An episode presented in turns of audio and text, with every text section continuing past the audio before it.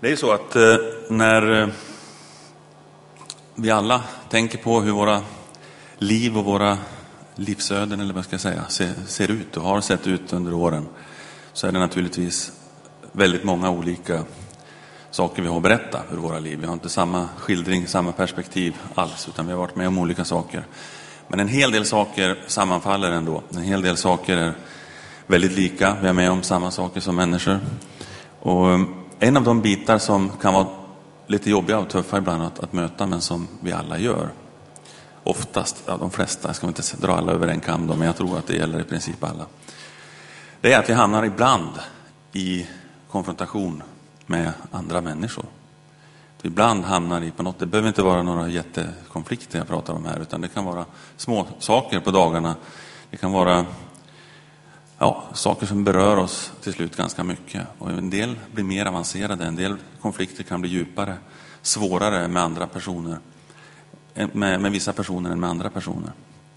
Eh, och det möter vi någon gång ibland i livet, kanske lite nu och då till och med. Hur hanterar vi då det? Och hur hittar vi kraften och möjligheten att, att gå vidare på, på något sätt? Och att inte bara gå vidare utan att mitt i den situation vi är kunna behandla den på ett bra sätt. Vad säger Gud om det? Säger Bibeln någonting om det? Säger Jesus någonting? Guds upp och nervända verklighet har jag kallat den här rubriken. Eh, det handlar om att Gud faktiskt på många sätt gör på ett annat vis än vad vi spontant först tänker, eller spontant kanske reagerar. Han har en hemlig kraft, skulle jag vilja säga, ett, ett, ett vapen om vi nu ska använda det ordet, eh, Eh, som är ofattbart fantastiskt. vi ska gå in lite grann på det. Det har bland annat med ordet saktmodighet att göra. Saktmod, ödmjukhet, mildhet, och vi ska se hur fantastiskt många ställen egentligen, jag ska inte titta på alla, men på många ställen i Bibeln där det här behandlas och där det verkligen står saker om hur vi ska hantera sådana här saker i våra liv. Vi har eh, Jesus då som bland annat i bergspredikan tar upp de här bitarna. Där han talar om, om eh, saktmodet, om mildheten, och när vi kanske som, som eh, vanliga svenskar lyssnar till de orden och de formuleringarna och tänker, vänta nu, det där låter lite mesigt på något sätt. Det där låter lite svagt. Det låter lite som att man backar bara tillbaka och kan inte stå för någonting utan vi ska vara försiktiga och tysta och milda och ödmjuka och bara mer eller mindre förinta oss själva där vi står. Och vi kanske tänker med, med lite fel associationer när vi hör de orden. Att vara saktmodig och att, att vara mild i det här sammanhanget, det handlar ganska mycket egentligen om att, att ha sina krafter under kontroll. Att ha en eventuell makt man kanske har under kontroll. Att inte låta det flippa iväg och, och hanteras på fel sätt. Jesus han sa bland annat så här Saliga de ödmjuka, de ska ärva jorden. Han sa, lyckliga de milda och anspråkslösa, hela världen tillhör dem. Hämtat ifrån handbok i Bibeln. En sån här formulering, en sån här fras som kommer från Jesus och som låter som det här som jag sa nyss. Väldigt försiktiga och tillbakadragna och milda och, och, och nästan mesiga. Vilket inte alls är överhuvudtaget. Det handlar om att ha sina krafter under kontroll. Och det finns många stora krafter på den här jorden som vi känner till. Eh, mäktiga, mäktiga krafter som faktiskt är dels naturliga men också en del som vi har plockat fram själva. Ni känner till det där kärnkraftverket i Japan.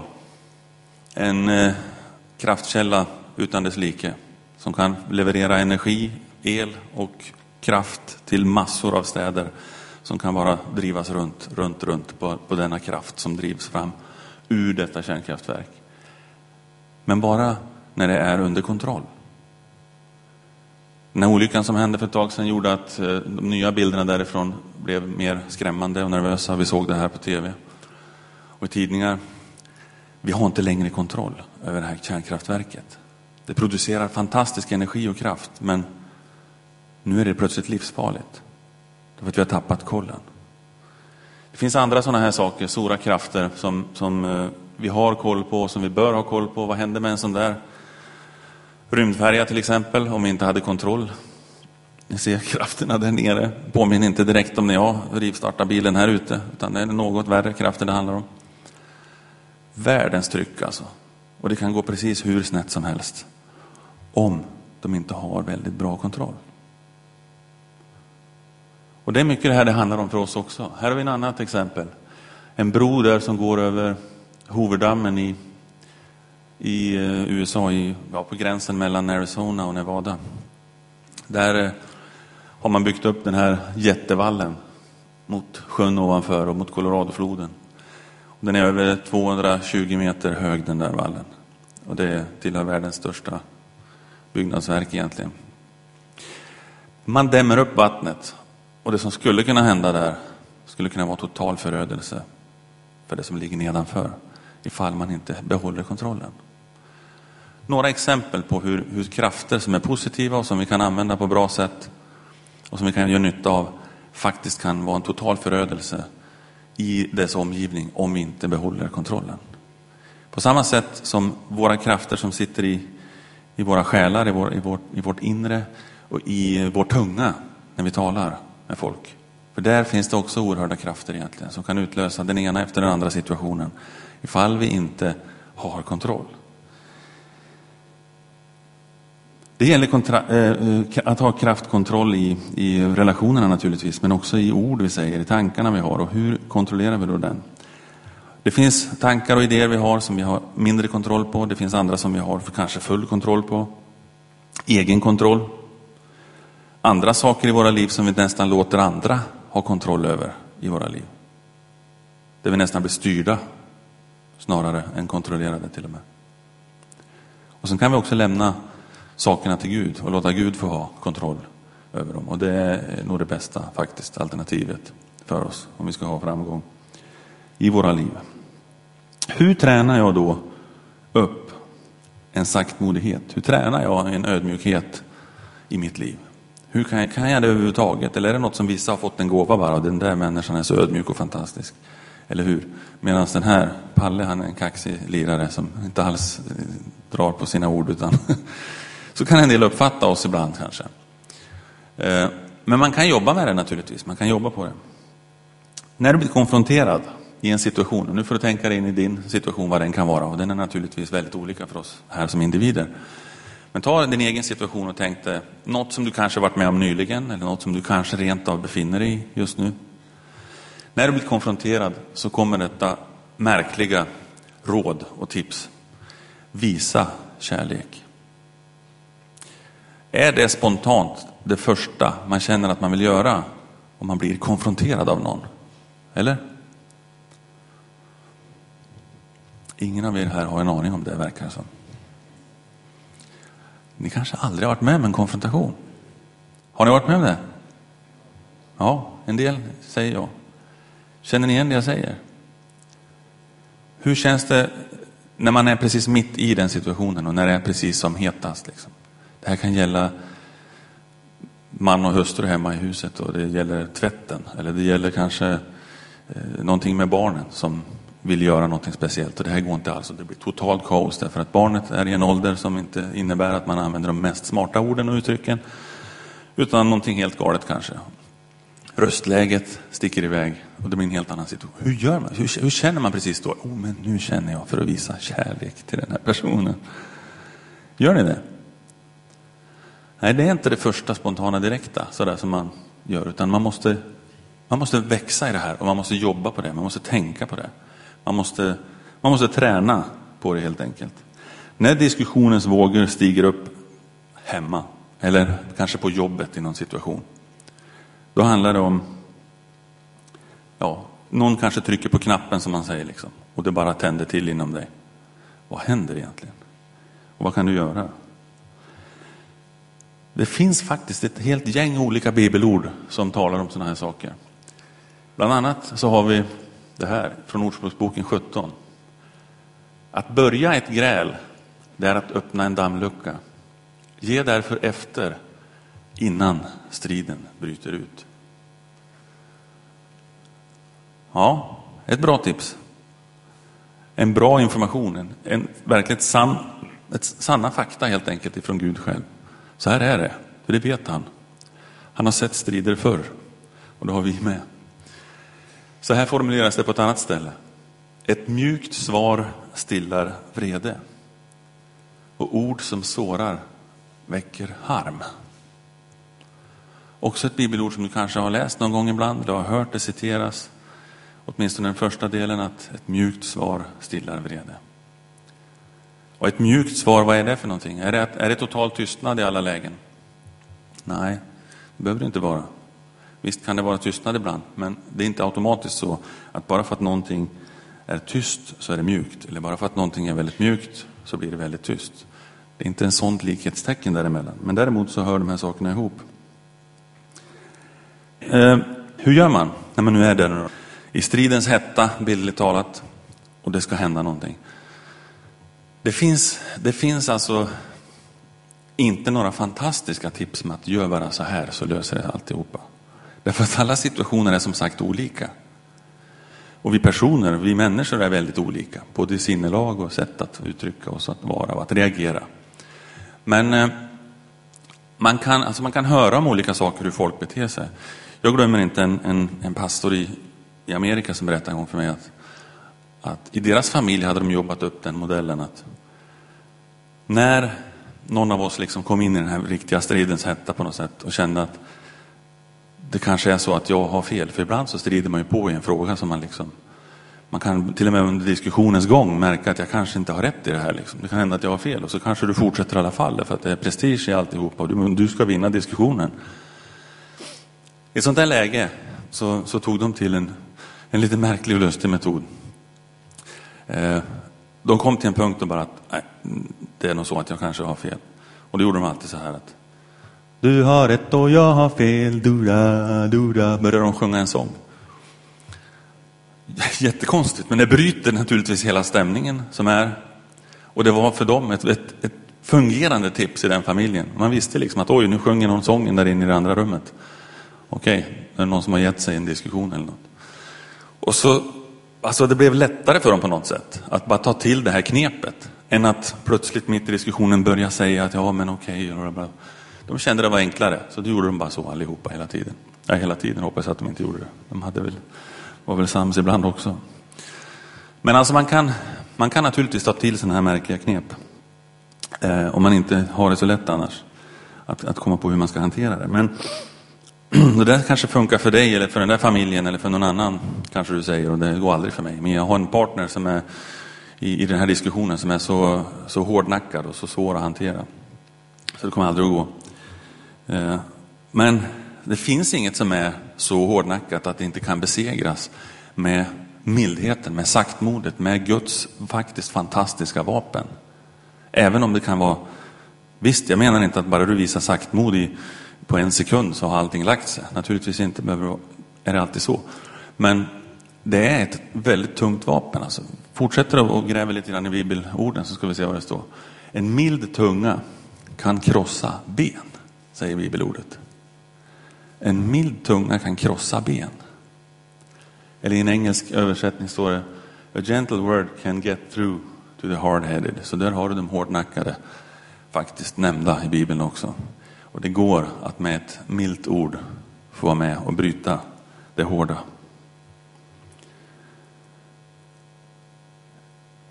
I Efesierbrevet står det så här. Om ni blir arga så synda inte genom att ge mer näring åt er ilska. Låt inte oförsonligheten bestå till dess solen går ner. Bra idéer, fantastiska tips för att behålla friden, för att få en försonlighet mellan dig och din, ja, om det är en partner eller om det är din, ditt barn eller din förälder eller vad det kan vara, någon jobbarkompis. Det finns en bra bön i Saltaren, i Saltaren 141. Så man skulle kunna tänka sig att be i princip varje dag. Jag tror man eh, kan behöva det faktiskt. Herre, hjälp mig kontrollera min tunga. Hjälp mig vara försiktig med vad jag säger. En bra bön, va? He? Alla som tycker det här var en bra bön eh, är med och läser den nu högt. Herre, hjälp mig kontrollera min tunga. Hjälp mig vara försiktig med vad jag säger.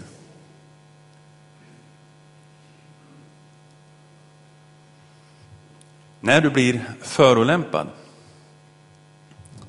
be. Okej, okay. då kommer nästa svåra uppdrag som inte faller sig direkt naturligt. Heller kanske, ja det kan det göra om man har tränat på det under ett antal år eller månader eller något. Men det mest spontana kanske som händer på en skola när någon förolämpar en annan är inte att den andra hoppar ner på knä och börjar be till Gud. Jag tror inte det. Men vi kan, vi kan göra det. Och vi blir uppmanade till att göra det. Vi blir tipsade återigen i den fantastiska handbok för livet som det är faktiskt, Bibeln. Första Petrusbrevet 3 och 9 står det Löna inte ont med ont eller skymf med skymf. Tvärtom ska ni välsigna. För en del människor så är det faktiskt ett sätt att ta kontroll över dig när de hoppar på dig. När de hoppar på dig på något sätt i förolämpningar eller i olika saker i situationer i vardagen. Det kan vara ett sätt för dem att få kontroll och ta över och få makten över dig på något sätt. Och det är inte det som är meningen och det är inte det du i första hand ska försöka försvara. Men det är ofta sådana bitar som ligger bakom. Det kan vara bra att veta det och tänka på det. Att det kanske är det det handlar om. Och den fighten, den liksom vägen vill jag inte ge mig in på och börja gå med folk. Utan då är det bättre att stanna upp, att be för personen i fråga och på det sättet gå vidare.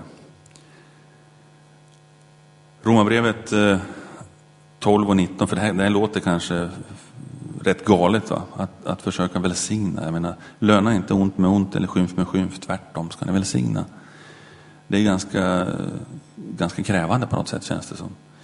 Men eh, i Romarbrevet 12 står det, kära vänner, hämnas aldrig. Lämna det åt Gud.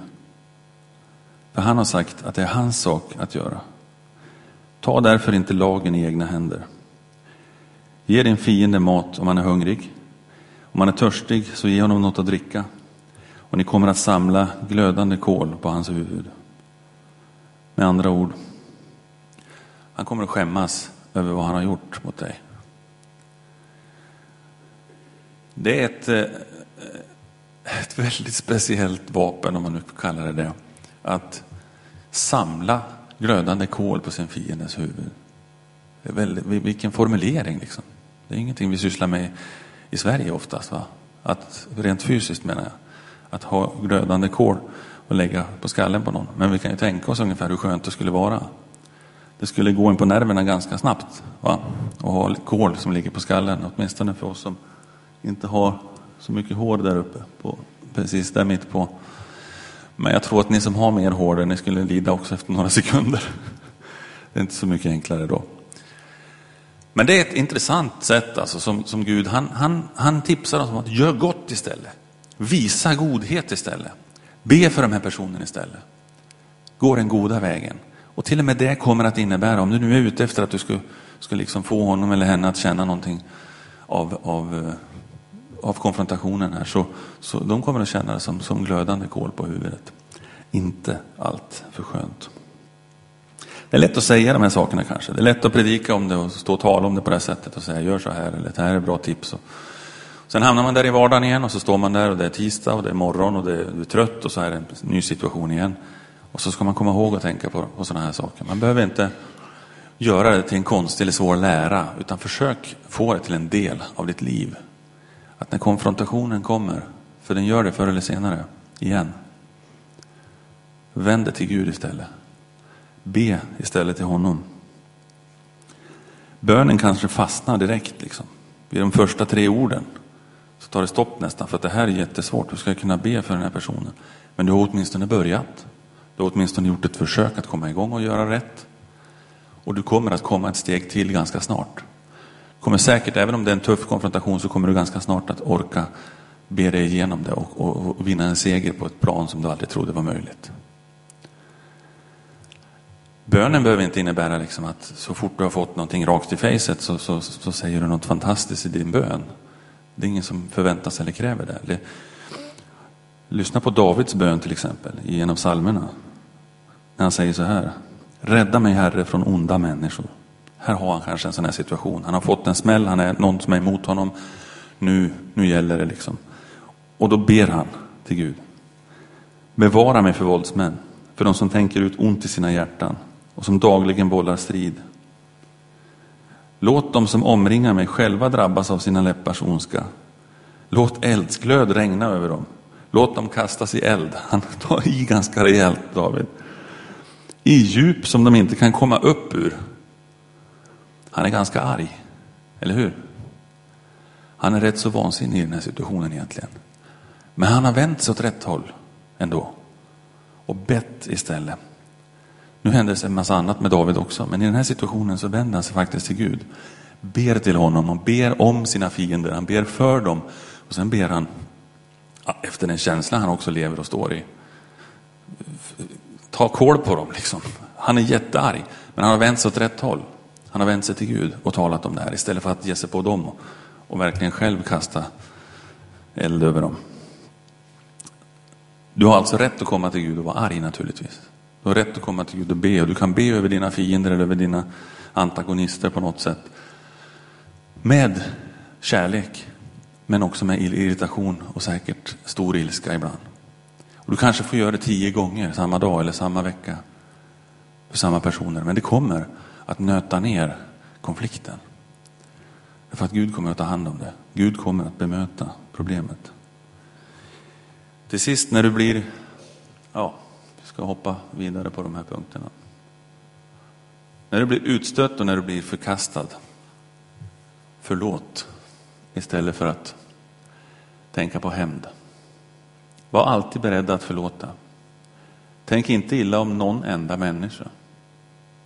Kom ihåg att Herren har förlåtit er, därför måste ni också förlåta andra. Det är också en god tanke som jag hade med i förra bilden här som vi gick förbi lite snabbt. Men tänk på vad Gud har gjort. Tänk på Jesu förlåtelse. Hur stor den är. Om någon människa någonsin på den här jorden, genom alla tider som någonsin har varit, om någon människa någonsin skulle ha haft rätt att inte förlåta och att bli arg, så är det väl ändå Jesus när han hänger på korset. När han har kommit till jorden ödmjukat sig till att bli människa för att vara med och rädda oss, för att hjälpa oss. Gått runt och bara gjort en massa goda saker i hela samhället. Massa människor blev friska och, och, bra och, och helade, och, och, både till ande, själ och kropp. Och så åker han på detta straff där han får hängas upp på korset. Han skulle ju, ingen av oss kan säga att ja men Gud, jag har faktiskt varit i en värre situation själv och du kan inte hjälpa mig. Vad är det som händer här? Vi kan inte säga det. Det finns ingen av oss som har varit i en värre eller svårare situation eller en tyngre situation än Jesus var på Golgata på korset. Och där han hänger så visar han detta exempel fullt ut när han säger Fader, förlåt dem. Förlåt dem, för de vet inte vad de gör. Att vägra förlåta, det drabbar oss själva. Det drabbar dig själv, det drabbar mig själv hårdare egentligen än den andra partnern. Ofta gör det det, kanske inte alltid, men ofta, väldigt ofta gör det det. Därför att du själv går omkring och bär kvar på det här och släpar på, på problematiken liksom, och, och ältar runt det. Och kanske den andra personen inte ens vet om att du gör det. De finns inte med i konflikten alls, de har gått vidare någon annanstans. Men du har kvar det här inom dig. Och där går du och, och, och lider åt det, därför att du inte kan förlåta. Så du drabbas normalt sett hårdare själv genom att inte förlåta. En nyckeltanke är där att komma ihåg Jesus och tänka på hans förlåtelse, vad han gjorde in i det sista. I Lukas evangeliets sjätte kapitel står det så här, jag ska läsa ett litet stycke där. Allt vad ni vill människor ska göra er, det ska ni göra dem. Om ni älskar dem som älskar er ska ni ha tack för det. Också syndare älskar dem som visar dem kärlek. Och om ni gör gott mot dem som gör gott mot er ska ni ha tack för det. Så handlar också syndare. Om ni lånar ut åt dem som ni hoppas ska betala tillbaka, ska ni ha tack för det. Också syndare lånar ut åt syndare för att få tillbaka vad de lånat ut. Nej, älska era fiender, gör gott och ge lån utan att hoppas att få igen något. Då ska er lön bli stor och ni ska vara den högstes barn eftersom han är god mot de otacksamma och onda. Var barmhärtiga så som er fader är barmhärtig. Döm inte och ni ska inte bli dömda. Fördöm inte och ni ska inte bli fördömda.